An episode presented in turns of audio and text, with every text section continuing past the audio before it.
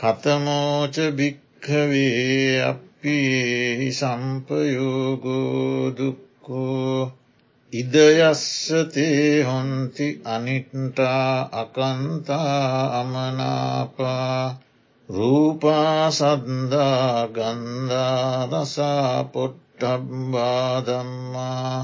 ඒවාපනස්සතේ හොන්ති අනත්තකාමා අහිතකාමා අපාසුකාමා අයෝගක්කේමකාමා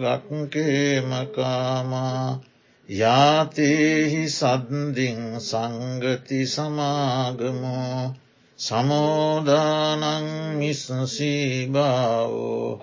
අයං උච්චතිභික්කවේ අපිහි සම්පයෝගෝදුක්කෝ කතමෝච භික්කවේ පියෙහි විප්පයෝගෝදුක්කෝ ඉදයස්සතේ හොන්ති ඉට්ටාකන්තාමනාපා රූපා සද්දා ගන්ධා රසා පොට්ටබ්බා දම්මා ඒවාපනස්සතේ හොන්ති අත්තකාමාහිතකාමා පාසුකාමා යෝගක්කේමකාමා මාතාවා පිතාවා භාතාවා භගිනීවා ජෙට්ටාවා කනිට්ටාවා මිත්තාවා අමච්චාවා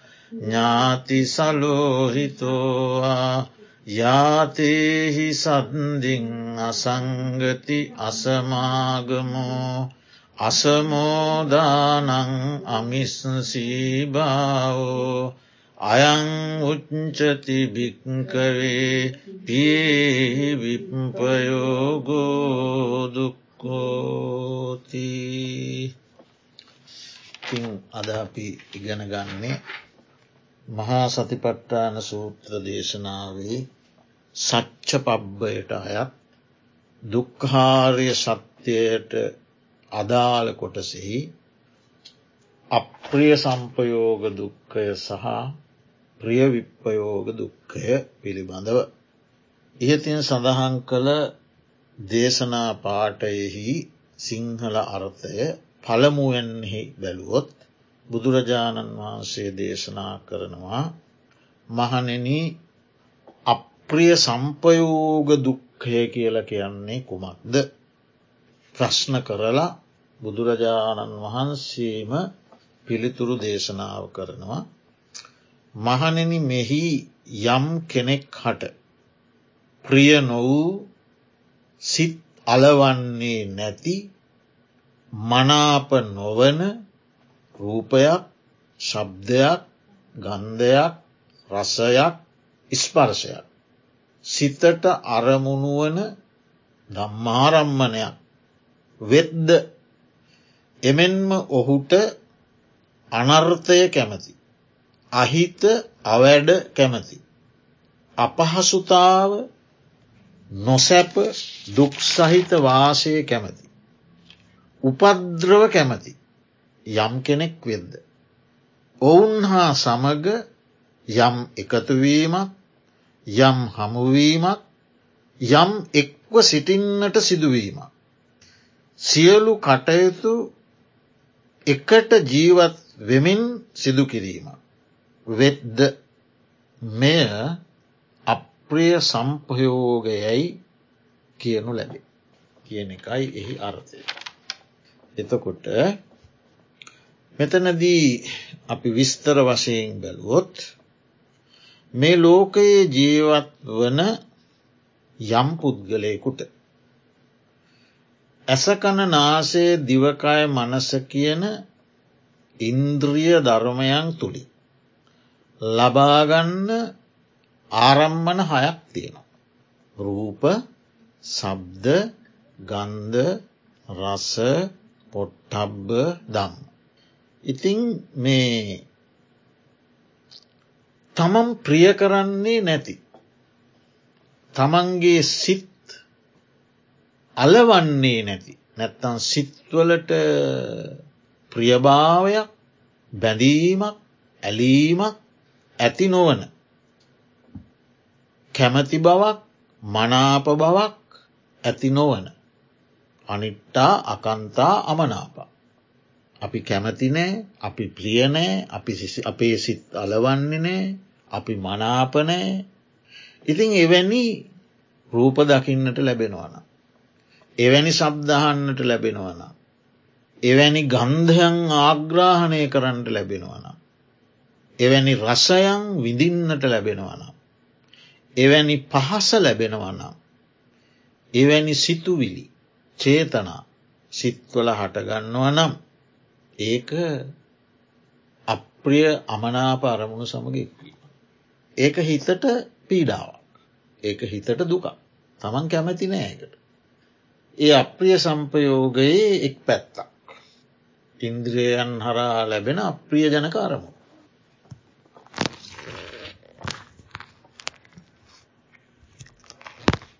ඒ පැත්තක්. ඒ වගේම එහි තව අර්ථයක් තිබෙනවා එකී පුද්ගලයාටව ආශ්‍රය කරන්නට ලැබෙනවා. එකතු වෙන්නට ලැබෙනවා. හමුවන්නට ලැබෙනවා. එක්ව සිටින්නට ලැබෙනවා. එක්ව එකතු වෙලා කටයුතු කරන්නට ලැබෙනවා. නම් මෙවැනි පුද්ගලයෝ. මොන පුද්ගලයෝද? තමන්ට අනර්ථ කැමති. තමන්ට ව්‍යසනයක් දුකක් ඇතිවෙනවට කැමති. විපතක් ඇතිවෙනවට කැමති. තමන්ට ව්‍යසනයක් දුකක් විපතක් ඇතිවෙනවට කැමති. පුද්ගලයෙක් ආශ්‍රය කරන්න ලැබෙන. ඒක පීඩාවක්. ඒක දුක. ඒ වගේම තමන්ට අහිතක් තමන්ට අවැඩක් තමන්ට අනර්ථයක් වෙනව දකින්න කැමති. පුද්ගලයෝ ආශ්‍රයට ලැබෙන. ඒ වගේම තමන්ට අපහසුතාවයක් සැප නැමතිකමක් නොමැතිකමක් තමන් දුක් සහිතව වාසය කරනවා දකිින්ට කැමති. එයා කැමති මට ම ආශ්‍රය කරන්න මට ලැබෙනවා. එයා කැමති මම සැප නොසැපයෙන් ඉන්නවන සැප නැතුව ඉන්නවන. මම දුක් සහිතව වාසය කරනවනං එයා කැමති. පාප මිත්‍ර තමයි. එතකොට මම අපහසුතාවයට පත්වෙනවට එයා කැමති. හරි අන්න එහෙම කෙනෙක් මට ආශ්‍රය කරන්නට ලැබෙන. ඒ වගේම මාව උපද්‍රවයන්ට පත්වෙනවා. වුවදුරු වලට පත්වෙනවා දකින්නට කැමති. අන්න ඒ වගේ පුද්ගලේ. සමග මට එකතු වෙන්ඩ වෙනවන. එවැනි පුද්ගලයෙක් මට හමු වෙනවානම්. එවැනි පුද්ගලයොත් එක්ක මට එක්ව වාසය කරන්න සිද්ධ වෙනවානම්.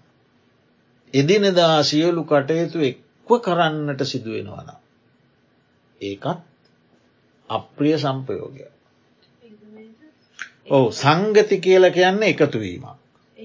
එකතු වෙනවා. ඒ කියන්නේ දැන් ඒ අටුවා වෙනම් දක්වන්නේ මම කොහෙට හරි ගිහිල්ල එකතු වෙනවා. එකතු වෙනවා එකට එකට මෙම එකතු වෙන හමු වෙනවා. ඒ සංගති කියන එකට අටුවාවේ ගැන ගොස් හමුවීම. ගිහිල්ලා හමුවීම. බංකො හෙටාරි ගිය වෙලාව හමු වෙන. ගොස් හමුවීම. ඊළඟට සමාගමෝ කියල කියන පැමිණ හමුවීම. අරක ගොස් සමුවීමක් මේක පැමිණ හමුවීම. සංගති සමාගම.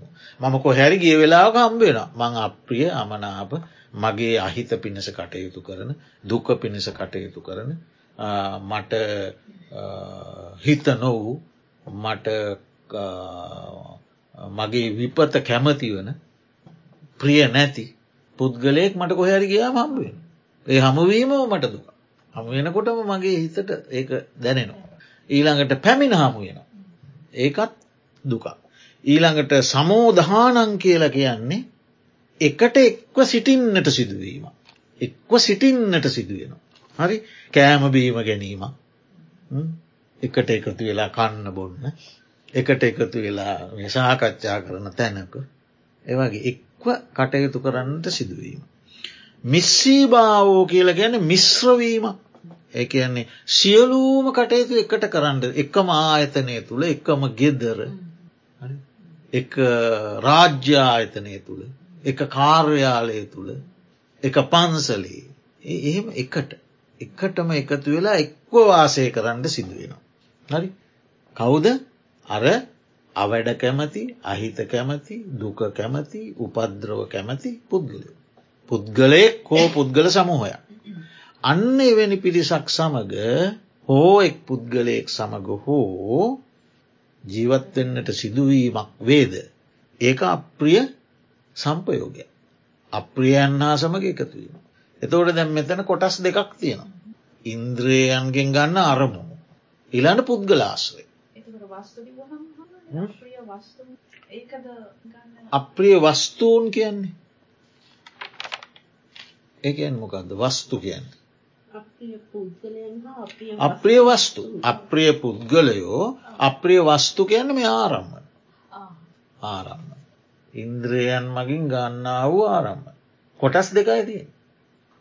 අරමුණු සහ පුද්ගල. එතවට පුද්ගලයොත් අරමුණුම තමයි ඒවත් ඉන්ද්‍රියන්ට තම අරමුණු වෙන්නේ නො මේක පහසු බෙදීමක් මේ කිය.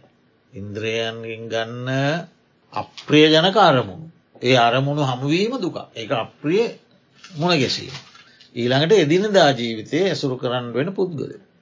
ඒත් අප්‍රිය අමනාප අමීරී අවැඩ කැමැති යෝගක්හෙම කියන මෙතන වචනයක් තියෙන. යෝග අයෝගක්හේම. එතන ඒකට අර්ථ දෙකක් දෙන්න පුළුවන්. එකක් තමයි උපද්‍රෝ කැමති. අනිත් එක තමයි යෝගක්කේම කියන නිවන. නිවනාකමැති. මම නිවන් අවබෝධ කරනවා ඒ සඳහා වැඩ කරනවා දකින්නත් අකමැති. දැ මම කැමති නිවන් අවබෝධය සඳහා වැඩ කරන්න. මම කියමකු මම මම දැන් නොන මහත්තය කියමු නොන මහත්තය නිවන් අවබෝධය සඳහා වැඩ කරන්න කැමති. නොන මහත්‍ය ආශ්‍රය කරනය නොන මහත්තය නිවන් අවබෝධය සඳහා වැඩ කරනට කැමතිනෑ. එතවට මත ගැටුම. එතවට එතන අප්‍රිය භාවය. එහෙම තියෙනවා. ඒ අයෝගක්හේම කියනකට එහෙම අර්ථයකුත් තියෙන මොකද ඒ අර්ථය සාධාරණයක් තියෙන. යෝගක්හෙම ගැන්න නිවනට යෝග සතර යෝගයන්ගෙන් එතර වූත. නිවන. තුට මා නිවන සඳහා වැඩ කරනවා මා ඇසුරු කරන්න නිවන සඳහා වැඩ කරනට කැමතිනෑ. එතට එක අප්‍රියයක් අප්‍රියයක් මගේ ප්‍රියභාවයට එයා කැමති. ට අප්‍රිය එකතුව. අන්න ඒ විදිහට ඇති වුණාම ඒක දුකක්. ඉතින් එතෙන්දී අපි මොකක්ද කරන්න ඕනේ. දැන් අපිට අප්‍රිය අරමුණු එක ගැටෙනවා. ඇසකන නාසේ දිවකයි මනස තුළින් ගන්නා වූ අප්‍රිය අරමුණු සමඟ අපේ හිත ගැටෙනවා. හරි ඊළඟට අප්‍රිය පුද්ගලයොත් එක්කත් ගැටෙනවා. ඇතකොට ඒ ගැටීම දවේශයක්. ගැටෙන්න ගැටෙන්න සිද්ධ වෙන්න මගේ හිත දූෂිත වෙන. එතෙන්දී තමයි ඔන්න දැම් බලන් ඩෝන ඇතෙන්දී මේක ප්‍රායෝගික පැත්ත. මොකක්ද මේ මට හමුවනේ අප්‍රිය අරමුණක්.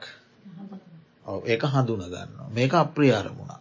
මේ මට මුණගැහුණේ අප්‍රිය පුද්ගලයෙක්. මගේ හිත අකමැති මගේ නැත්තම් මගේ අහිත කැමැති අවඩ කැමැති මගේ යෝගක්හේමේ අකමැති මට අනර්ථය කැමති මගේ උපද්‍රෝ කැමති මේ අප්‍රිය පුද්ගලේ.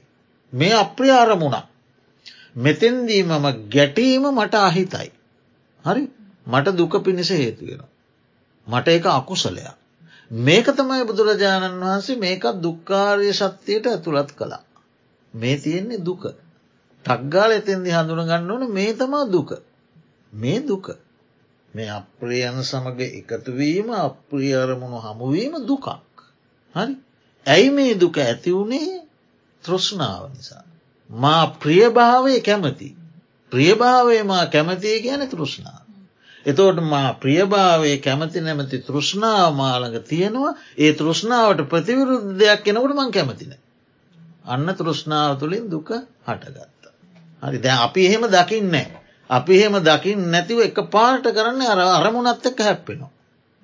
අපි අපි සාමාන්‍ය ඕ ඕ සාමාන්‍ය පෝදුන් මනුස්සය කරන්නේ අරමුණ එක්ක හැප්පෙනවා. හරි තවට ධර්මයෙන් උගන්නන්නේ අරමුණ එක් හැප්පෙන්න්න නෙවෙයි. මේක තමයි දුක කියලකින්. මේ දුකට හේතුව තෘෂ්ණාව. මම අතීත භවේ තෘෂ්ණාව ප්‍රහාණය කලානම් මං මේ භවේ උපදින්නේ. මේ භවේ උපදින්න ඇත්තම් මට මේ අප්‍රිය සම්පයෝගතිය මොන දුකක්වත් නෑ. හරි එතකොට අතීත භවයේ තෘෂ්ණාවත් මේකට හේතුවෙනවා මේ භවයේත් මා මාගේ ජීවිතය පිළිබඳ තෘෂ්ණාවත්තියෙන. දැන් දැන් මේ මොහොත්. ඒ තෘෂ්ණාව නිසා තමයි මට මේදේ රුස්සන්නේ. මා ප්‍රියදයට කැමතිී ගැන තෘෂ්ණාව. ඒ තෘෂ්ණාව තියෙන දිහා නිසා අප්‍රියදේ ලැබෙනකොට මට රුස්සන්නේ. හරි මං කැමති ප්‍රියදයට ලැබෙන්නේ අප්‍රියදේ. එතවට මං එකට මනාපනෑ. ඒ මනාපනෑ ගැන දුකා. එතවට දැම් මේ දුක හටගත්තේ තෘෂ්ණාව නිසා. ආ එහෙම බලනවා ප්‍රායෝගිකෝ. එතවට මම තෘෂ්ණාව නිරුද්ධ කලානං අරිහත්වයට පත් වනාන රහතන් වහන්සේලාට මේ දුක් මොකුත් නෑ. දැම්මට මේ දුක ඇති වෙලා තියෙන්නේ එමනම් තෘෂ්ණාව නිසා. ඒනම් මේ තෘෂ්ණාව නිරුද්ධ කිරීමෙන් තමයි මේ දුක නිරුද්ධ කරන්න පුළුවන්. තෘෂ්ණාව නිරුද්ධ කරන්න නම් මේවත් එක ගැටි ගැටි බෑ සම්මාධිත්‍යයෙන් ඕනිතින්. සම්මාධිත්‍යයෙන් නොය දෙනකොට යෝනිසෝ මනසිකාරයෙන් නොය දෙනකොට මෙතන දුක හටගන්න. තොට මං මෙතෙන්දී යෝනිසෝ මනසිකාරයෙන් මේක දකිින් ඕන.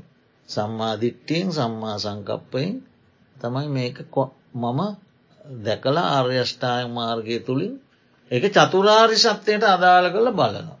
ලෝකය එහෙම පුරුදු නෑ. ලෝකයා මේ අප්‍රිය අරමුණත් එක හැප්පෙන ගැටෙන. කත් එක්ක ලොකු සටනක් කරන. කරනමින් ඉතින් හිත ඉතින් හිතේ ගැටි ගැට. ආ ඒකයි මේ අප්‍රිය සම්පයෝග දුක්කේ දේශනා කළ ඒක. එක දුකට හේතුවක් ලෙස දුක් දෙයක් ලෙස.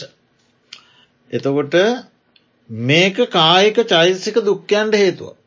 මේ අප්‍රිය අරමුණු හමුවීමත් අප්‍රිය පුද්ගලයන් සමඟ වාසයක් පළමුුවෙන් චෛතසික දුක්කයක්. එක එන්න කොටම හටගන්න චෛතසික දුක. හිතට පීඩාකාරි ලෙස බලපාන. ඒ හිතේ පීඩාව නැවත නැවත නැවත නැවත නැවත නැවතේ දුක් එන්ඩ පටන් ගත්තොත් ඒක මට කොන්ට්‍රෝල් කරන්න බැරි වුණොත් ඒක ධර්මානුකූලෝ මට විවරණය කරගෙන ඒක මේ චතුරාර්ය ශත්වයට අදාළකොට හෝ ධර්මයත් එක්ක යෝනිසෝ මනසිකාරයෙන් නොබලමින් නැවත නැවත නැවතවන් නිරන්තරෙන්ගේ දුක් එන්න පටන්ගත්තුත් ඒක ඊට පස කායික කායික පීඩාවටත් යන එට වස ප්‍රේශර් වැඩිගෙනවා කායික දුක් ඇතික. එතකොට එනිසා කායික චෛතසික දුක් දෙකටම මේක හේතුව. ඉතිං මේ මෙයින් ලැබෙන මේක ලක්ෂණය තමයි මේ ලක්ෂණය අප්‍රිය සම්පයෝග දුක්කේ ලක්ෂණය අනිෂ්ට අරමුණු සහ පුද්ගලයන් සමඟ එක්වීම තමයි මේක ලක්වුණ ලක්ෂණය. අප්‍රිය අරමුණු සහ අප්‍රිය පුද්ගලයන් සමඟ එකතුවීම. මේකෙන් සිදුවෙන කාර්ය තමයි හිත සැප විනාශ කිරීම. සහ හිත ගිලම් බවට පත් කරන.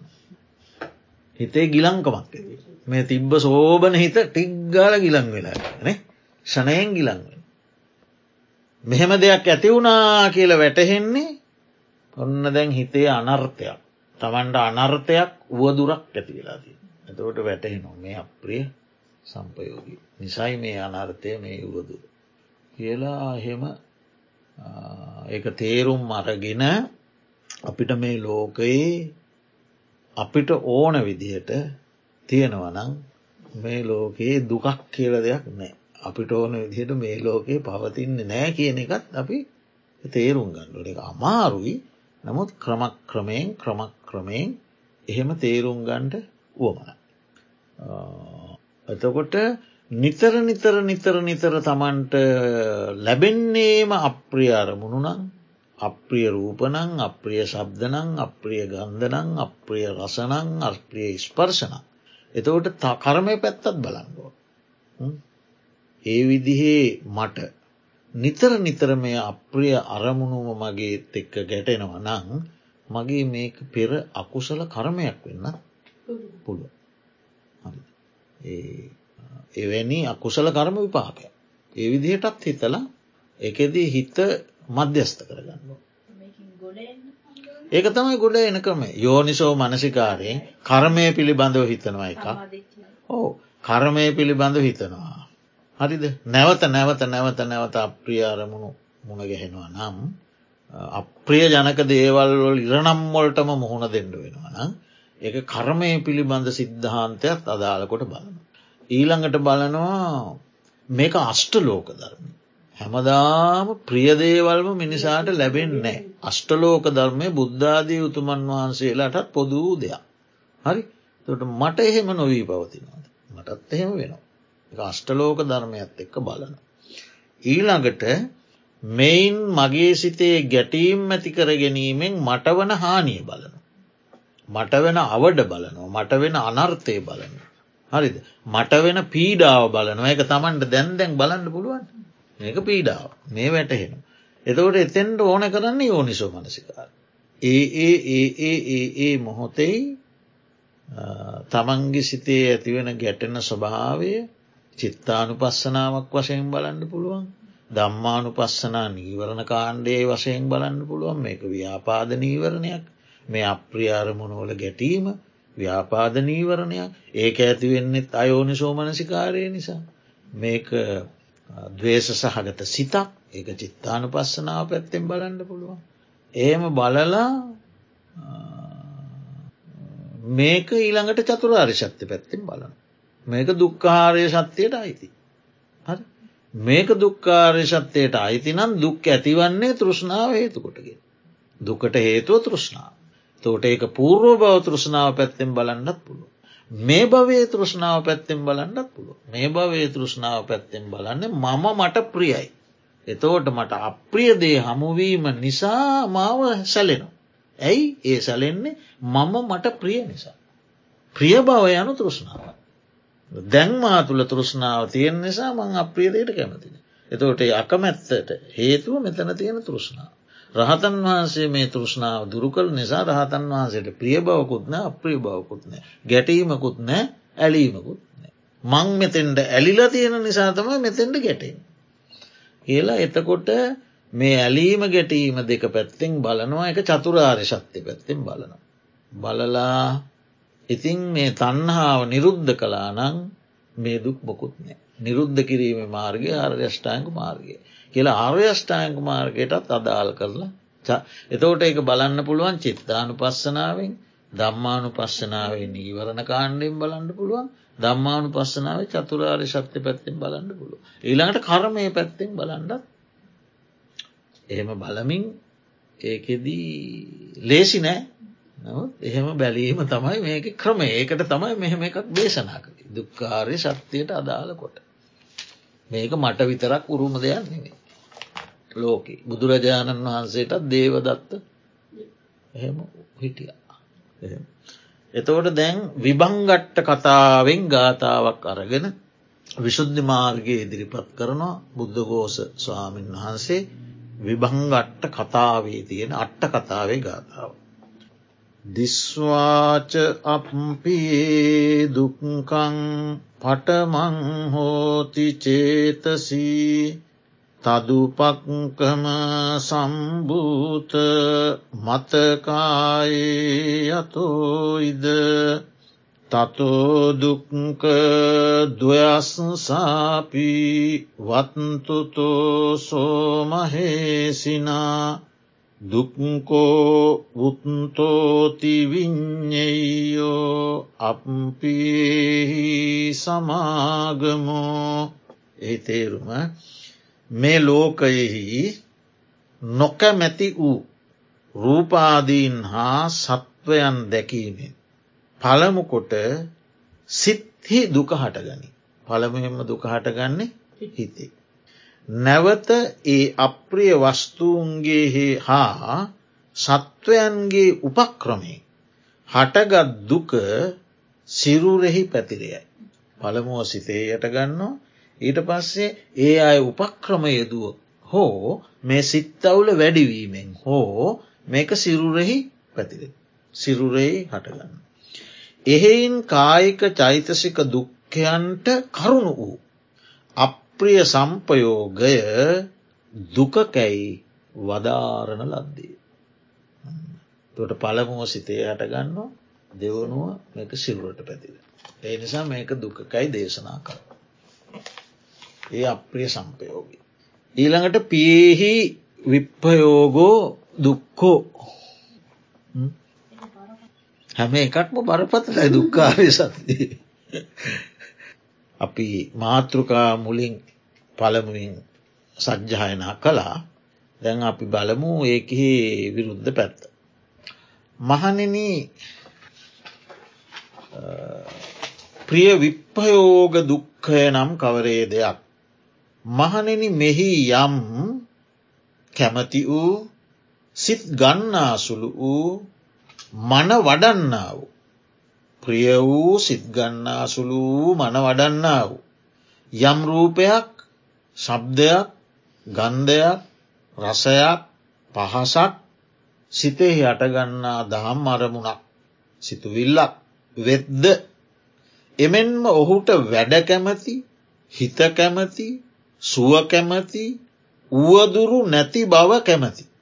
ඒකට යෝගක් හෙම කියන වචනයට අදාළව වුවදුරු නැති බව කැමති කියන අර්ථයට එකතු කරන්න පුළුවන් නිවන් අවබෝධයට කැමති.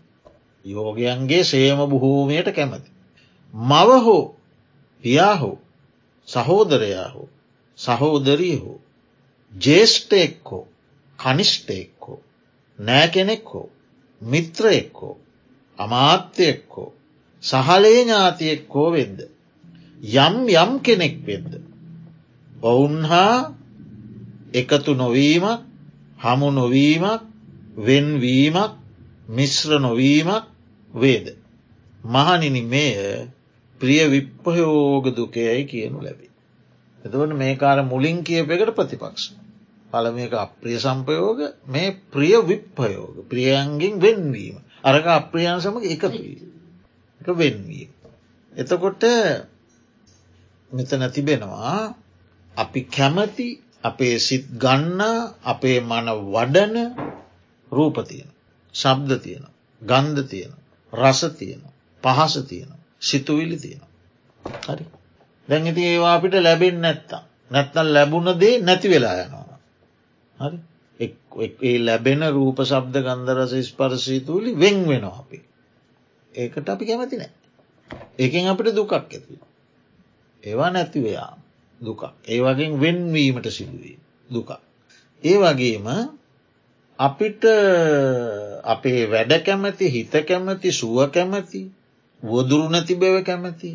අපි නිවන් අවබෝධ කිරීමේ කාර්යහන්නේ යෙදෙනවට කැමති නිවන් අවබෝධ කරගන්නවට කැමති. හරි අම්ම වේවා තාත්තවේවා සහෝදරයා වේවා සහෝදරිය වේවා වෙනත් අපේ ජේෂ්ඨයෙක් වේවා අපිට වඩා බාල කනිෂ්ටයෙක් වේවා අපි ප්‍රිය කරන. නෑ කෙනෙක් වේවා මිත්‍රයෙක් වේවා මගේ පුංචි හෝ මහත් වූ හෝ කටයුත්තේ එකට එකතු වෙලා සමගුව කටයුතු කරන අමාච්‍ය කියන කෙනෙක් වේවා. හරි මගේ සහලයේ ඥාතියෙක් වේවා. කවුරු හෝ යම් කෙනෙක් යම් යම් කෙනෙක් මට ප්‍රියද මනාපද මම කැමතිද මගේ හිතසුව කැමතිද ඔවුන් මගේ යහපත කැමතිද? අන්න එවැනි කෙනෙක්. හා මම එකතුවීමක් වෙන්න මං ඒ ඇත එක එකට ඉන්න කැමති. නමුත් එකතු වෙන්න එකතු වෙන්න ඇත්ත එක් ඔය ගොල්ල දුර. හරි? ගිහිල්ල හමුවෙන් ඕන. මට යන්න වෙලාවන්න ඉති එනිසා එකතුවීමක් නෑ ම යන්ඩ කැමති. එකතුවෙන්ට කැමති. ඒද ඉෂ්ට කරගන්න බෑ. හරි? එතවට ඒගොල්ලු ඇවිල්ල මාව හමු වෙන්න. ඒගොල්ලොන්ට එන්න ඉඩක් නෑ ගොල්ලොත් කැමති මාව හමු වෙන්න. නමුත් ඒගොල්ලොන්ට එන්න ඉඩන්න එවට හමුවීමක් නෑ එකතුවීමක් නෑ හමුවීමක් නෑ ඒවගේම ඒගොල්ලොන්ගින් වෙන්වීමක් තියෙනවා. ඒ වෙන්වීමට මම කැමති නෑ නමුත් වෙන්වීමක් වෙලා තියෙන ඒගොල්ල සමඟ මිශ්‍රවීමක් නෑ එකට එකතු වෙලා කටයුතු කරන්න එකට කෑම බීම කාල බීල ඇඳල එකට සමගියෙන් ඉන්ඩ වෙලා නෑ විදියක් නෑ එක වෙන් වෙලා ගිහිල්ල තියෙනවා. හරි ඒකට මං කැමති නෑ මං කැමති එකට ඉන්න. ගොල්ල මගේ හා සමාන අදහස් තියෙනවා. ඒගොල්ල මගේ හිත කැමති සුව කැමති මාර් මට ප්‍රියයි මම මනාපයි මම කැමති ඒගොල්ලොත් මට කැමති. ඒගොල්ලෝ මම නිවන්දකිනවට කැමති මගේ වැඩවලට උදව් කරනවා. නමුත් අපිට එකට ඉන්නන වෙන්වීමක් වෙලාදී. මේක ප්‍රිය විප්පයෝග දුක එක අප්‍රිය සම්පයෝගයට ප්‍රතිපක්ෂ. එතකොට ධනධාන්‍ය වස්තු සංපත්වලින් වෙන්වීමද මෙයින් ගැනෙනවා.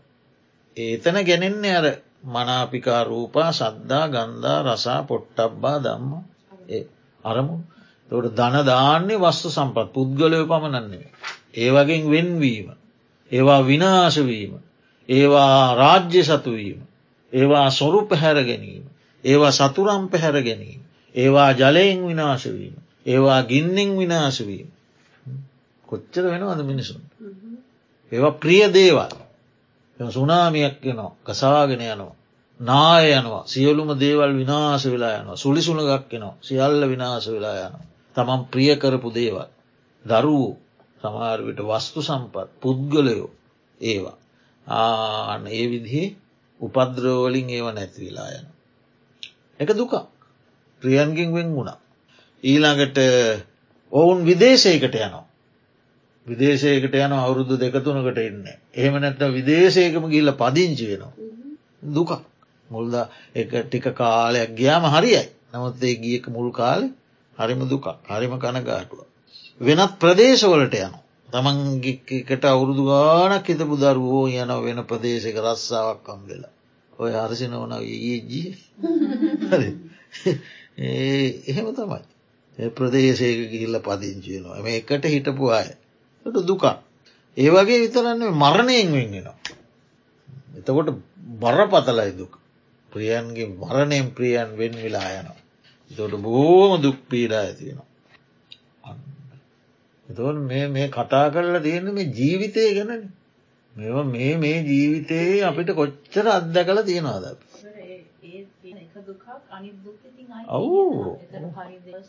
ඕ ඒවා ඒ ඒ හරහා අයන ආරවාසෝකය පරිදේවය දුක දොම්නස උපායාසය. මේවැන් ආඒවට යනවා. මිස්රයි වෙන් කරලා කියලා තියෙන මේක මේක මේක මේක. මේකින් ආය මේ ඇතිව ආය කායික දුක් ඇතියෙන ආය මානසික දෝමනස් දුක්ක දෝමනස්ස දෙක ආය මේවැන් ඇති හරි ගැම් පුදුම විදිහයට සම්බන්ධයි එතකොට මෙහි ලක්ෂණය ප්‍රියමනාප වස්තුූන්ගෙන් වෙන් කිරීම. ප්‍රියමනාප වස්තුූන්ගෙන් වෙන් කරනවා. ඊළඟට මේකින් කරන කෘත්‍යය කාර්යය තමයි සෝකය පරිදේවය උපදෝන. ඒවා නැති වෙනකොටම උපදින්න ශෝකයේ පරිදේව. මේක වැටහෙන්නේ ඥාති වියසන බෝග වියසන ආදී ව්‍යසනයන් තුළින් වැටහෙනවා ඕන්න මට අප්‍රියන් අප්‍රිය නැත්තම් ප්‍රියදේ නැති වුණා.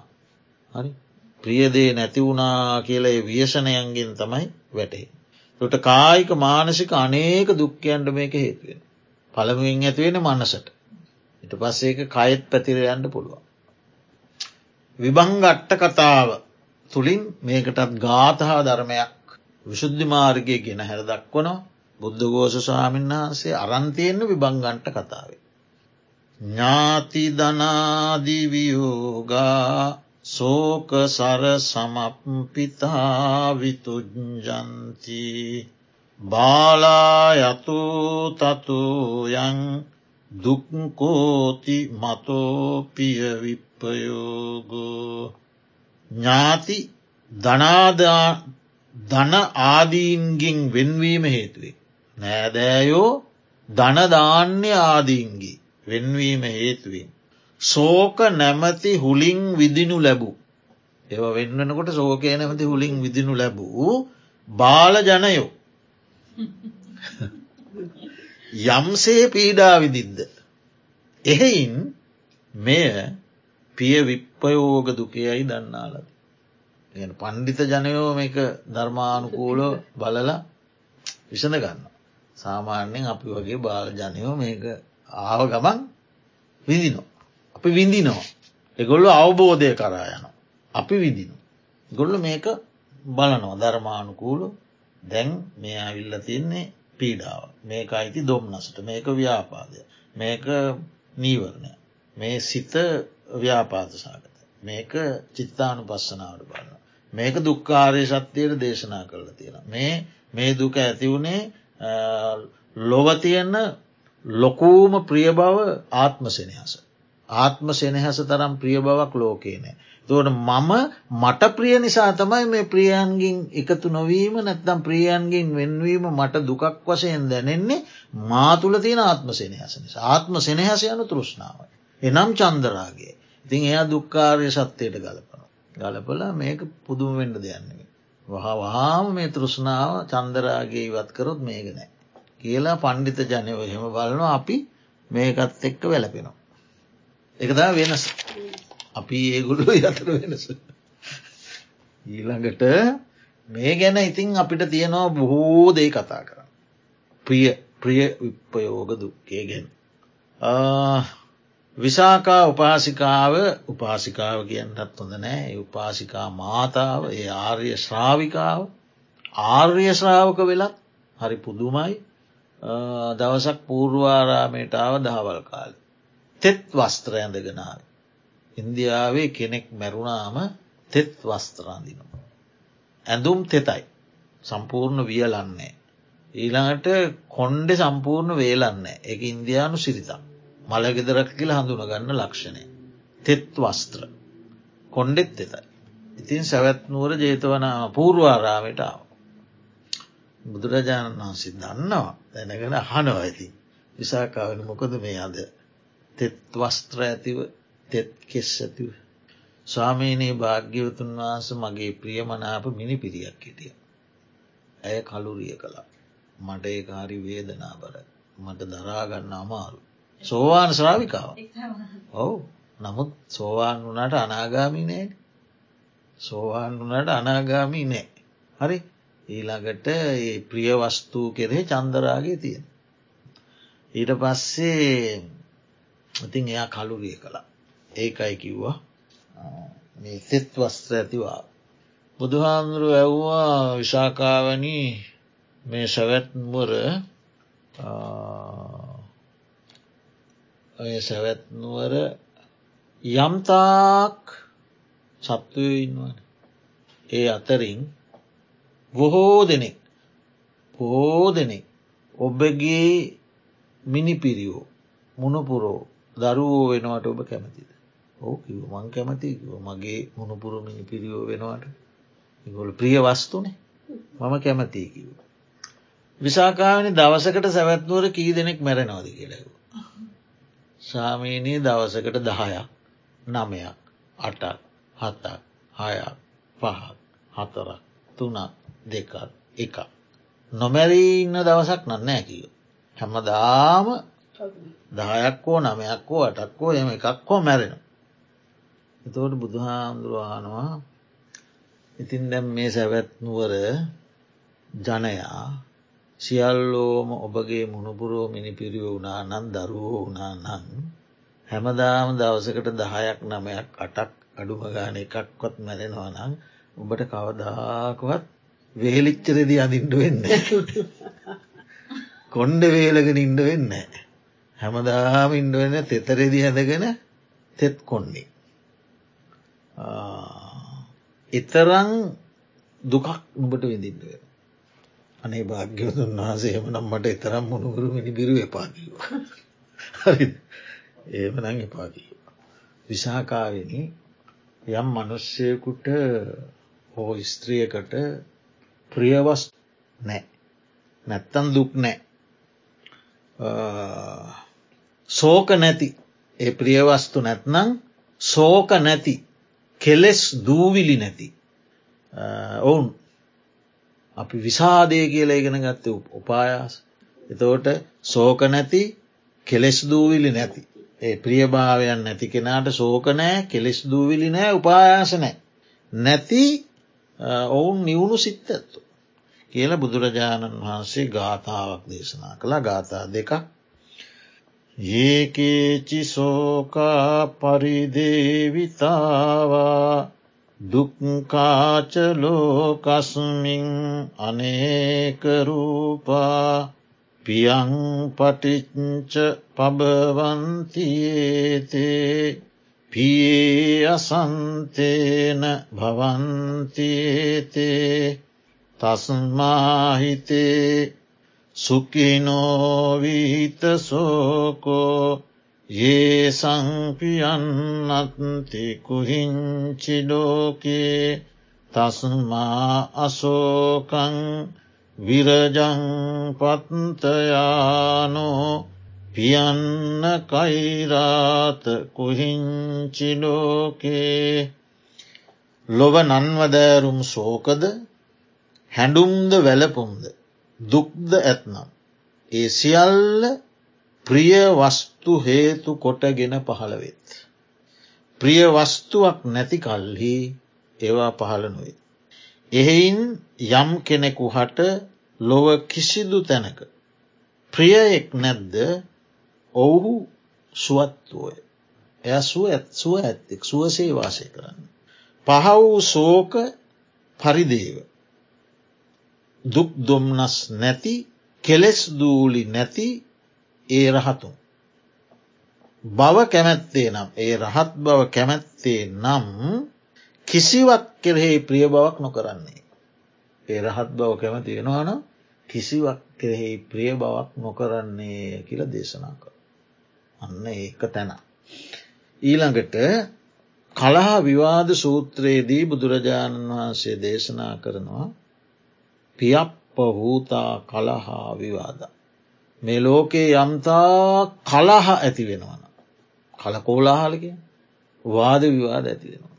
ඒ සියල්ලම ඇතිවෙන්න ප්‍රිය බවලෙස. පියප් පහූතා කලහා විවාද. ඕ ප්‍රිය ප්‍රියදේ ප්‍රියදේ. එතවට එතන පිය කියන වචනයෙන් උගන්නවා කලා විවාද සූත්‍රයේ ප්‍රියභාව දෙක. සත්වයෝ සහ සංස්කාරය. සත්වය මාගේ ජාතිය මාගේ කුලය මාගේ ගෝත්‍රය මට ප්‍රිය අය මාගේ වාසගමේ අය නානහ ප්‍රකාරයෙන් ඉතින් බෙදාගන්න ප්‍රිය. හරි? ඊළඟට ඒ සත්වය. ඊළඟට සංස්කාර. ඒගැන්න ප්‍රියමනාප මේ ඉන්ද්‍රියන්ට හසුවෙන සංස්කාර ධර්ම. පුද්ගලයෝ සහ වස්තු කියල අපි ගමුකු. ප්‍රිය වස්තු ප්‍රිය පුද්ගලයෝ. ඒ අපි එම ප්‍රියභාවයකට මේක වෙන්කරගෙන බෙදාගෙන තියෙනවා. එතකොට ප්‍රියයයි සලකන දේවල් නැතිවෙනකොට දුකයි. හරිද උදුරාගන්නකොට දුකයි. පැහැරගන්නකොට දුකයි. නැති වේවීයයි සැක ඇති වෙනකොට දුකයි. නැති නැති උදුරා ගනීවී කියල සැක හිතලා මෙහින් හටගන්න ඔන්න ප්‍රශ්නයක්. අපේ අපේ අපේ රට උදුරාගනි. අපේ ජාතිය විනාශ කරලදා. ඇති ඔන්න හදාගන්න. එතකොට නැති වූයේයයි හිතනකොට අතීතේ අතීත ඇත් එක්ක බලන අයෝ අපිට තිබ්බදේ නැති වෙලාගේ අවෝන් හෝස් ගාන මෙච්චර දේවල් තිබ නැතිවුණ අපේ කඩේ තිබ ඕක විකුල්ලා දැම්මන. ඔන්න පටන්ගන්න අතීත. හරි? අතීත දේ පිළිබඳ හිතලා ඕන් දුක්කෙන නැති වූ ප්‍රියදේ නැති වනේ යැයි අතීතේ? ප්‍රියදේ නැති වන්නේ යැයි දැන් වර්තමානය දැන් නැති වෙනවා බලමින් දුක්කෙන ඊළඟට අනාගතයකුත් ඇදලා ගන්නව. නැති වේ විදෝ අහවල්ලු උදුර ගනී විදෝ අහවල්ලූ මගේදේ පැහැර ගනී විදෝ කියල ඔන්න සැක සංකා ඇති කරගෙන ඒත් හටගන්න. ඊළඟට උදුරගනී විදෝ කියන සැකයත් එක්ක සටනට යන. උදුරා ගන්න කොට සටන යටවා.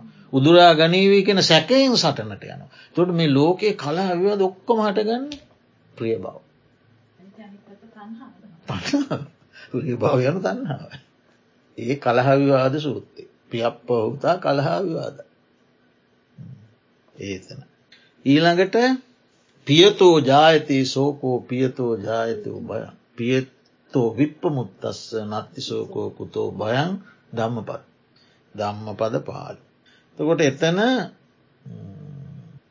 දේශනා කරනවා එකෙකුට ප්‍රියදේ තවකුට ප්‍රියනෑ. සමහට මට ප්‍රියයි අනිකාට ප්‍රියනෑ.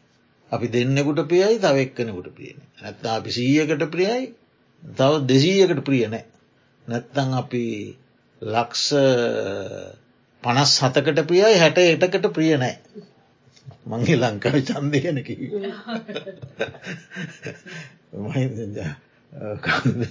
මෛත්‍රී පාල සිරිසේන මහත්මයට හැට එකක් ප්‍රියයි ඒ හැට ඒක මහින්ද රාජ පක්ෂ මහන්සයට ප්‍රිය නෑ. ඒ කාල වන්න ඒ ප්‍රියභාවය වෙනස් වෙන. එකකුට ප්‍රිය දෙයක් තව කෙනෙකුට ප්‍රියන එක ස්වභාවයක්. ඒක මේ කෙලෙස් නොනැසූ පුද්ගලයන්ගේ ස්වභාවය. එක එක්කනාගේ ප්‍රියභාවය වෙනස්. එතකොට ලෝකයේ කෙනෙකුට වඩාත්ම ප්‍රියමකත්. ආත්ම සෙනහස. හරි. සමහරයකට අපි තව කෙනෙකුට ප්‍රිය කරන්නෙත් මට ප්‍රිය කරන නිසා. මම තව කෙනෙකුට ප්‍රිය කරන්නේ ඔහු මට ප්‍රිය කරන සනැත්තං ඔහුගේ ප්‍රියත්වය බලාපොරොත්වයෙන් ප්‍රිය කරන. නැත්නම් දැනට ලැබෙන් ඇති ප්‍රිය බව ලබා ගණ්ඩ ප්‍රිය කරන එක්කො ලබාගත්ත ප්‍රිය බව ආරක්ෂා කරගන්න ප්‍රිය කරන. ඔක්කෝටම වැඩිය ප්‍රිය ආත්මසනස්. ඒක නැතිවෙල ඒක වෙනුවෙන් අනිත් ඔක්කොම යට කරන්න වනත් පුළුවන් මිනිසෙකුට ආත්ම සෙනහස. එතකොට ඔන්න ඔය කියන ලද ආත්ම සෙනෙහසක් අනිකුත් ප්‍රියභාවයෙන්. මොකක්ද උපදවන්නේ. ඒකින් සතුටක් උපදවන බව ඇත්ත. ඒවනට ඒකෙන් සෝකය උපදවන. ඒකින් උපදවන බය. සෝකයේ සහ ආස්වාදයක් තියෙනවායකි. ඒ ප්‍රියභාව තුළ ආස්වාදයක් නැතුව නෙවෙයි. ආස්වාදයක් තියෙනවා. හැබැයි තේරුම් ගණ්ඩෝන එක ආදීනවයකුත් ආදීනවේ තමයි එකෙන් සෝකයේ බිය උපදවන. ඒවා නැතිවෙනකොට උදුරාගන්නකොට නැතිවේ වැයි සැකහිතෙනකොට ලෙඩ වෙනකොට ලෙඩ වෙලා එක්තැන් වෙනකොට මැරෙන වෙලාවට මෙවා ඔක්කෝම දැම් මේ ප්‍රිය සීරමත් හරින්ඩනවා. ප්‍රිය දරුවෝ ප්‍රිය ශරීරය ප්‍රිය ආත්ම සෙනහස ප්‍රිය වස්සු සම්පත් මෙසේරම.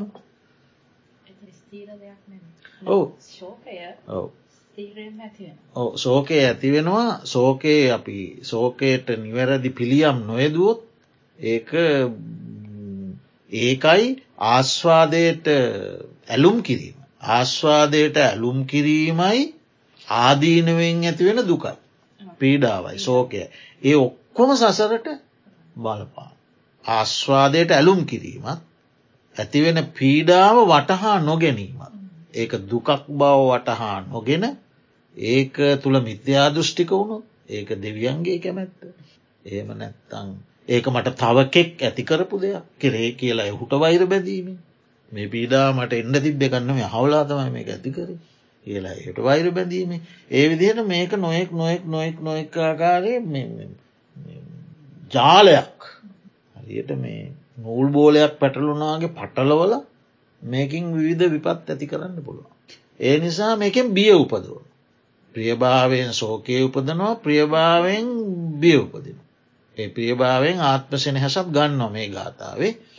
එතවට ලො මිනිසාට මුහුණ දෙෙන්ඩුවෙන බය විසි පහත්තින. පස් විසි බය. ඒ පස් විසි බයම ඇති කරනවා. මොනවද ජාති බය ජරාබය ව්‍යාධි බය මරණ බය සෝක. හරි ඒ පහයි. ඒ පහ අතීත වසයෙන් ගත්තම අතීත පහයි. අතීත ජාති බය අතීත ජරාබය අතීත ව්‍යාධි බය අතීත මරණ බය අතීත සෝක. තොට වර්තමාන ජාති ජරා ව්‍යාධි මරණ සෝක. එතවට මේ මේ ප්‍රියභාවේ කෙරෙහි සෙනෙහසත් ප්‍රියභාවයෙන් ඇතිවෙන සෝක පීඩාත් හරි ප්‍රියභාව නැතිවෙනකොට ඇතිවෙන සෝක පීඩාත් අනාගත ජාති ජරාව්‍යාධි මරණත් සෝකත් ඇති කරන. අනාගත ජාතිය අනාගත ව්‍යාධිය අනාගත මරණය අනාගත ජාති ජරා ව්‍යාධි මරණ සෝක. තොට අතීත පහයි වර්තමාන පහයි අනාගත පහයි පහළ. තව දහයක් තියෙන. මොනවද චෝර බයි. සොර සතුරු මේෝ පැහැර හරි ඊළඟට සතුරු බය ඊළඟට රාජ බයි රජ ආණ්ඩුව සතුවුණු රාජ සන්තකයි රාජ බයි ඊළඟට උද්දක බයි ගින්නේ නොේ ජලයෙන් ජලයෙන් විනාශවී ජලගැල්මියුණි උදක බයි. ඊළඟට අග්ගි බය ගින්නෙන් විනාශවී. ඊළඟට දණ්ඩ බය මම යම් කිසි වරදක් කරලා ඒ වරදට දඩුවම් විදින්ට උනොත් රජයෙන් දණ්ඩ බයි. ඊළඟට දුර්ගති බයි. මේවා නිසා දුගතියට යන්ට වුණු මරණින් පස්සේ. මේවාට ඇලීම් බැඳීම් නිසා මරණින් පස්සේ දුගතියට ගියොත් දොට දුගති බයි.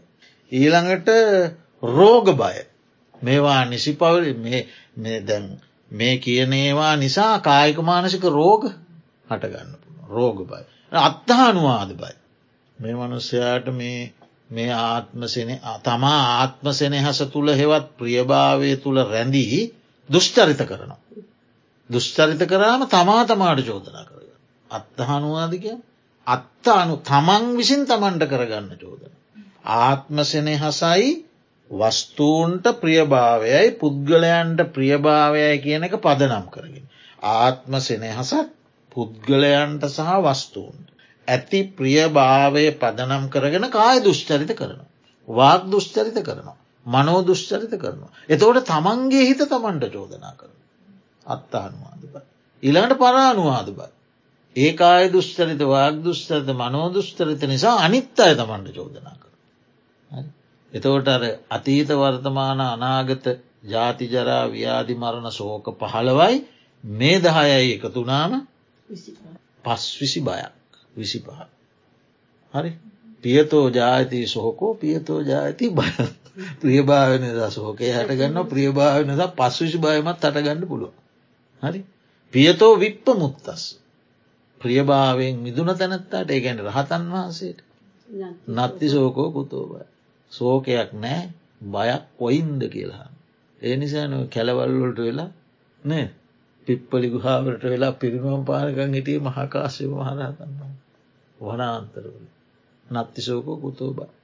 පැහැර ගනීවී කියල සැකයකුත් නෑ පැහැර ගත්තා කියල සැකයකුත් නෑ පැහැර ගත්තා කියල බයකුත් නෑ පැහැර ගන්නවා කියල බයකුත් නෑ පැහැර ගනීවී කියලා අනාගතය පිළිබඳ බයකුත් නෑ කිසිදු බියක් සැකක් නැතු ඉන්න. අය ප්‍රිය ආතකොට මේ ප්‍රිය ඕ විදිහ ප්‍රිය භාවයක් නිසා තමයි ප්‍රිය භාවය නිසාමයි ප්‍රිය විප්පයෝගේති. ප්‍රිය භාවය නැත්තම් විප්පයෝගයන්නේ. ප්‍රිය භාවය නිසාම තම අප්‍රිය සම්පයෝගේතිය නැත්තන්න. ඊළඟට හරි ලස්සන කතාවක් තියෙන කතාවස්තුව. පසේ බුදුරජාණන් වහන්සේලා ගැන අපි හුඟක් අඩුයින ඉගෙන ගන්න.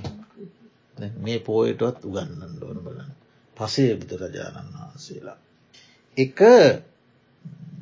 බරණැස්නුවර බ්‍රහ්මදත්ත රජ්ජුරු. බ්‍රහ්මදත්තකෙන් රජ පරපුරක් දීර්ඝ කාලයක් පවතින රාජ පරම්පරාව. ඉතින් එක් බඹදත් රජ කෙනෙක් රාජ්‍යය කරන කාලේ ඒ රජතුමාට හිටිය එකම පුතෙක්. පුතාට පුදුම ආදර ඇති. පන සමානයි. ඉතින් මේ පුතා හැමතැනම රැගෙන යනුව සමාර දවසුරට අරයි යන්න ඇති දවසුත් තියෙනවා. ඉතින් දවසක් රජතුමා ඉතින් එද මත්වතුර ටිකක් කේම් බොන්න තුන දවසක් වෙන්න ඇති පුතා අරයියන් නැතු උයනට ගිය පුතා ගෙනනිච්චන. ගිල්ල උයම් පල්ලොත් කීප දෙනෙකුත් එක්ක උයනට ගිහිල්ලා ඉතින් බෝම සතුටෙන් උයන් කෙලිය උයනේ සෙල්ලම් කිරීමනි ක්‍රීඩා කරමින් උයන් කෙලිහි යෙදුණා. එහෙම එදිලා ඉන්න අතර තුළේ එදාම මාලිගාවේදී රජතුමාගේ පුතා මලා හදිසි අසනීපෙකි. ගෙදරායි බය වුණා. රජතුමා පුතාට ආදරී මරණය දැක්කොත් රජතුමාගේ ලාය පැලිල මැරෙන්ඩ පුළුව. හරි රජතුමා එන්ඩ ඉස්සල්ලා අවසංකටයුතු කළ පුතාගේ. රජතුමත් ඉතින් මත්වෙලාවි පුතාගෙන සෙවිල්ලක් නෑ කාලවීල නිදාගත්ත. පහුවදත් ඉතින් උදේ නැගිට්ට පුතාගෙන සෙවිල්ලක් නෑ ඒ කටයුතුවලේදිලා දවල් නාල කියලා දහවල් කාලෙ නාල කියල දිවා ආහාරණු බවට අන්ඩ වෙලා ගිය වෙලා පුතාමතක්. රාජ්‍ය වැඩවලයි මත් පැන් නිසා එදා හොද පහුවද ඉස්සල්ලා දවසයක හිතුන්නෑ ඊට පස්සේ රාජ්‍ය වැඩ එක්ක දවල් කාල හිතුන්නෑ දවල්ලා නාල කියලා ආහාරණ බව කරනකොට පුතාගෙන ඉතින් මිනිසු ඉතින් මේක බොහොම නිවලා නිවලා නිවලා හිමින් හිමින් හිමින් රජතුමාට කිව්වා. විස්තර කළා. ඉතින් මොකක්ද හිතන්න වෙන්ඩ ඇත්ති මොකක්ද රජතුමාට සෝකයාව රජතුමා පසේ බුද්ධත්වය සඳහා පාරමී පුරාගෙනෙන කෙනෙක්. එයා බැලුවා දැ සෝකයත් ආව දැන් ප්‍රිය විප්පයෝගයක් ආවා එයා බැලුව පටිච් සම්පාදය වැටහුණායට. මෙය ඇති කල්හි මෙය වේ. හරි මේ ඉපදීමෙන් මේ උපදී. මෙය නැති කල්හි මේ නොවේ. මේ නිරුද්ධවීමෙන් මේ නිරුද්ධවී. මේ ඇත්නම් මේ වෙනවා හරි මේ ඇති කැල්ලි මේ වේ. මේ ඉපදීමෙන් තම මේ උපදින්න. තොට මේ නැත්තම් මේ නෑ මේ නිරුද්ධවනුත් මේ නිරුද්ධවේ. කියන පටිච් සමුපාද න්‍යාය. අනුලෝමෝ ප්‍රතිලෝමෝ වැටහු. අගසිට මුල්ලට බැලු. පසේ බුදුරුණ. මම දැන් රාජ්‍ය විචාරන්ට සුදුසුනෑක. ඒ පසේ බුදුවරුන්ගේ වඩින්න ගන්ධමාන පර්වතයට. හැම පසේ බුදුරජාණන් වහන්සේ නමක්ව ඉසිගිලි පබ්බතයටත් වැඩනුව අප ඉසිගිලි සූත්‍රයේදී. ඉසිගිලි ඉසිගිලිත්වේ ඉසිවරුන් වඩිනවා පේන්ටනෑ. ඉසිවරුන් ගිලිනෝ ඉසිවරුන් යනවා නෑ යනවා නෑ. ඉසිගිලි සූත්‍රය කියන්න පසේ බුදුවරුන් ගන්න කියෙන් ගන්ධ මහාන පර්වතය ගැනත් කියවෙන. එතකොට පසේ බුද්ධත්වයට පත් වුණා මංහිතන ගන්ධමාන පර්වතයට වඩින් ඇති අනිත් බොහෝ කතාවල හෙමයි තියෙන් තින් උන්වහන්සේ රාජ්‍ය පැවරුවා. සුදුසු කෙනෙකුට රාජ්‍ය පවරන්න කිව්වා.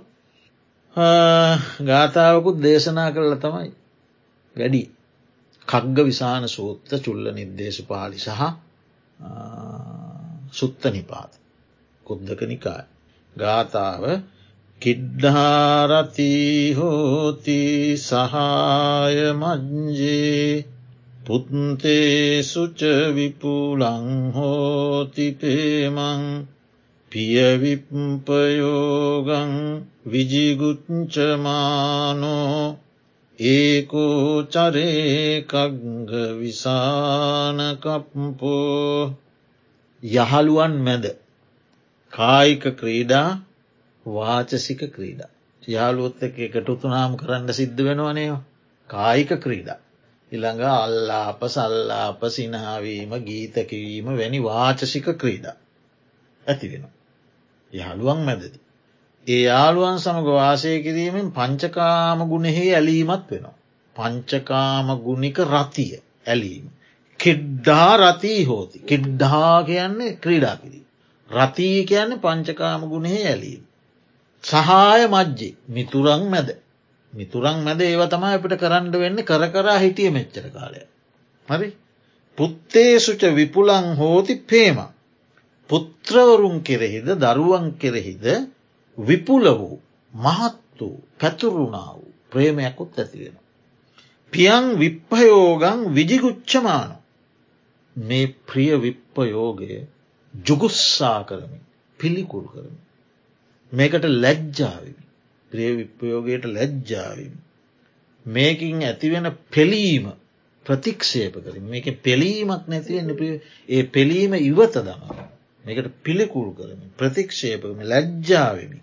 ඒකෝ චරය කක්ග විසානකප් දැන් මම යනවා එක අඟක් ඇති කඟවේනෙකුවද. ඒ කඟවේනට තියෙන එකම එකඟයි. කඟවේනු. කඟවේනා කියන සතාට අං එකයි තිය එකයි. පසේ බුදුරජාණන් වහන්සේ දක්වලා තියෙන පසේ බුදුරජාණන් වහන්සේ හඳුන්වන්න බුදුරජාණන් වහන්සේ දැක්වේ කග්ග විසානගේ නම්. එක අඟක් ඇති කඟවෙන. ඇගැන හුද කලාව ඉන්නවා කියන. අන් දෙකක් නෑ එකයි. එය තනියෙන්ගින් ඉන්නවනම් තව පසේ බුදුවරු ඉන්න පුළුවන් වෙන කායෙක්වත් සහ සම්බන්ධයක් ඇත්තේ නෑ. ඒකෝ චරේ කග්ග විසානකම්. කගවේනෙකු ඒ අගසේ එකලාව හැසිරෙන. ඔන්න රාජ්‍ය ඕන කෙනෙක් බලාගන්න කියලා ගියා. ඉතිං ඒ නිසා බුදුරජාණන් වහන්සේ දේශනා කළා ස්ත්‍රී පුරුෂ ගිහි පැවිදි. යමෙක් වේද ඒ සියලු දෙනාට හිතන්න කියල කරුණු පහ. පංචිමානි භික්කවේ ටානානි අබින්නම් පච්චවෙක්කි තබ්බං ඉත්‍යාවා පුරුෂයනවා ගහට්ටේනවා පබ්බචිතයනවා. මහනෙන ස්ත්‍රීන් විසින්ද පුරුෂයන් විසින්ද ගිහියන් විසින්ද පැවිද්දන් විසින්ද නිතිර සිහි කළයු. නැවත නැවත සිහි කළයුතු සිහිකිරීමට සුදුසු කරුණු පහක් කියලා. පයෙන් හතරවෙන එක තමයි සබ්බේහි මේ පියෙහි මනාපයෙහි නානාභාව විනාභාවෝති. අබින්හං පච්චවෙක්කි තබ්බං ඉත්‍යාවා පුරුෂයනවා ගහට්ටේනවා පබ්බලිදෙනවා. මහනෙන ස්ත්‍රියක් විසින්ද පුරුෂයෙක් විසින්ද ගිහියෙක් විසින්ද පැවිද්දෙක් විසින්. ඔන්න අපි හතරම එකට අරන්තියන්නේ විසින්ද සිහිකිරීමට සුදුසුයි. සියලු. සබ්බේහි මේ පියෙහි. මම මට මට. සියලූම ප්‍රිය වූද මනාපවූද යමක් වෙද්ද. ඒ සියල්ලන්ගේම නානාභාවයක් වෙන. වෙනස් වෙනස් ස්වභාවයට පත්වීමක් වෙන. එක විදිහට තියෙන්නේ. විනාභාවෝති ඒවාගේ විනාශ වීයාමක් තියෙන. කියන කාරණ. ප්‍රිය වූ මනාපෝ යමක් දැක්ද ඒසිියල් නානාභාවයක් සහ විනාභාවයක් වෙන. කියන මේ කාරණය ස්ත්‍රී පුරුසු ගිහි පැවදි හැම කෙනෙක් හිතන්ද. කිංච භික්කවේ අත්තෝ සම්පටිච් ඇයි මහනින මම එහෙම හිතන්න ගැන නිකං කියන්න දෙයන්න තුවද නෑ හේතුවත් තියෙන. එම හිතය යුතු හේතුවත් තියෙන මොකක්ද. අත්තිභික්කවේ සත්තානම් පියේසු චන්දරාග. මහනෙන මේ සත්වයාට තියෙනවා ප්‍රියදේවල් කරේ චන්දරාගේ. තමන්ගේ ආත්ම ස්ප්‍රේමය තමයි වඩාම ප්‍රිය ආත්ම සෙනහැස. ඒ ඇතුළු කොට ඇති තමා කියල වෙන්කරගත්ත මට මගේ මම කියල වෙන්කරගත්ත ප්‍රියදේවල් කෙරෙහි කැමැත්තෙන් ඇලී යන ස්වභාවයක්ති. කාකා කෙරෙහි අපි මා කෙරෙහිත්ති චන්දරාගේ. ඒන රාගේන රත්තා. ඒ ප්‍රිය මනාප දේවල් කෙරෙහි තියෙන චන්දරාගෙන් අපි රත්වෙන මෙ සිත රත්වෙන. රත්වෙලා කායන දුච්චරිතංචර වාචාය දුච්චරිතංචර මනසා දුච්චරිතංචර කයෙන් වචනයෙන් මනසින් දුෂ්චරිතවල යෙදෙන. මැති ඇමතිවරුන්ගේ දුෂ්චරිතීවත් කිරන්න කතා කරන කවුරුත් ඕක කතා කරන්නේ. ඔන්න රහස ප්‍රිය දේවල් කරේ චන්දරාගි. ආන ඒකයි කඩන්න ඕන්න. ඒ කැඩුවාම ඒක කඩන තාක් අමාරු විති. එතකොට බුදුරජාණන් වහන්සේ දේශනා කරනවා මේ ප්‍රියදේවල් කෙරේ තියෙන චන්දරාගේ නිසා කයෙන් වචනෙන් මනසින් දුස්තරිතවල යෙදෙන. හරි එතෝට යමෙක් තේරුම් ගත්තොත් අවබෝධ කළොත් මේ ප්‍රියදේවල් වල නානා ස්වභාවයට පත්වීමක් තියෙනවා විනාභාවයට පත්වීමක් තියෙනවා. කියන අවබෝධයට එයා පත්වනොත් ඒ පත් වූ පත් වූ තරමට. ඒ අවබෝධය ලබා ලබා ලබා ලබා තියෙන ප්‍රමාණයට අනුව. එයා දුෂ්චරිතයන්ගේ මිදෙන වෙන්ගෙන. ප්‍රියභාවය ආරක්ෂා කර ගැනීම සඳ දුසිරිත්තුලේ දෙන්න. රහත් වනොත් කොහොමත්තේ දෙන්න. ඊට මෙහා ඒ ප්‍රියභාවේ මට්ටන් අනුව. එයා දුෂ්චරිතවලින් මිදෙනවා අවම වෙනවා පාලනය වෙනවා අඩු වෙනවා තුනී වෙනවා සමහරයට මුලින්ම දුර්වෙලා යන. කියන එකයි අද සාකච්ඡාව අවසාන නිගමනය එහෙනම් නිගමනය මොකක්ද අපි කවුරුත් තවරහත් වෙලා නැති නිසා අපි කාටත්තාම අප්‍රිය සම්පයෝග දුකත් තියෙනවා ප්‍රිය විප්‍රයෝග දුකත් තියෙනවා නමුත් අපි දක්ෂ වෙන්ඩෝන එ දෙකම ඇති වුණා. ඒක මේ සතිපට්ටාන සූත්‍රයේ ගැන්වෙන චිත්තානු පස්සනාවට නීවරණ විපස්සනාවට චතුරාර්ය සත්‍යය විපස්සනාවට ඒ වගේම කර්මය පිළිබඳ ඉගැන්වීමට ඒ වගේම අපි මෙතෙක්කොය ඉගෙනගත්ත යම් යම් දේශනා අනුව ඉගැන්න ධර්ම කරුණුවලට අදාළකොට බලමින් ඒ යම් තරමක් දුරට හෝ සමතුලනය කරගෙන එයට මුහුණ දෙ කියන එක තමයි නිගමනේ. එමනම් මෙතෙක් වෙලා ධර්ම සාකච්ඡා කිරීමෙන් උපදවාගත්ත කුසල ශක්තිය අපටත් අප නමින් පරලෝස ප්‍රඥාතීන්ටත් දෙවියන් සහිත ලෝකවාසී සියලු සප්පයන්ටත් නිවන් අවබෝධය පිණිස හේතුවාසනාවෙත්වා කියල පාර්ථනා කර. ආකා සට්ටාජුම්මට්ටා දේවානාගා මහිද්දිකා පුഞ්ඥන්තන් අනුමෝදිත්වා චිරන්රක්කන්තු ශාසනං චිරන්රක්කන්තු දේශනං චිරන්රක්කන්තු මම් පරන්ති දම්මේ ඥාති නංහෝතු සුපිතාහන්තු ඥාතයෝ ඉදම්මේ ඥාති නංහෝතු සුපිතාහොන්තු ඥාතයෝ ඉදම්මේ ඥාති නංහෝතු සුපිතාහොන්තු ඥාතයෝ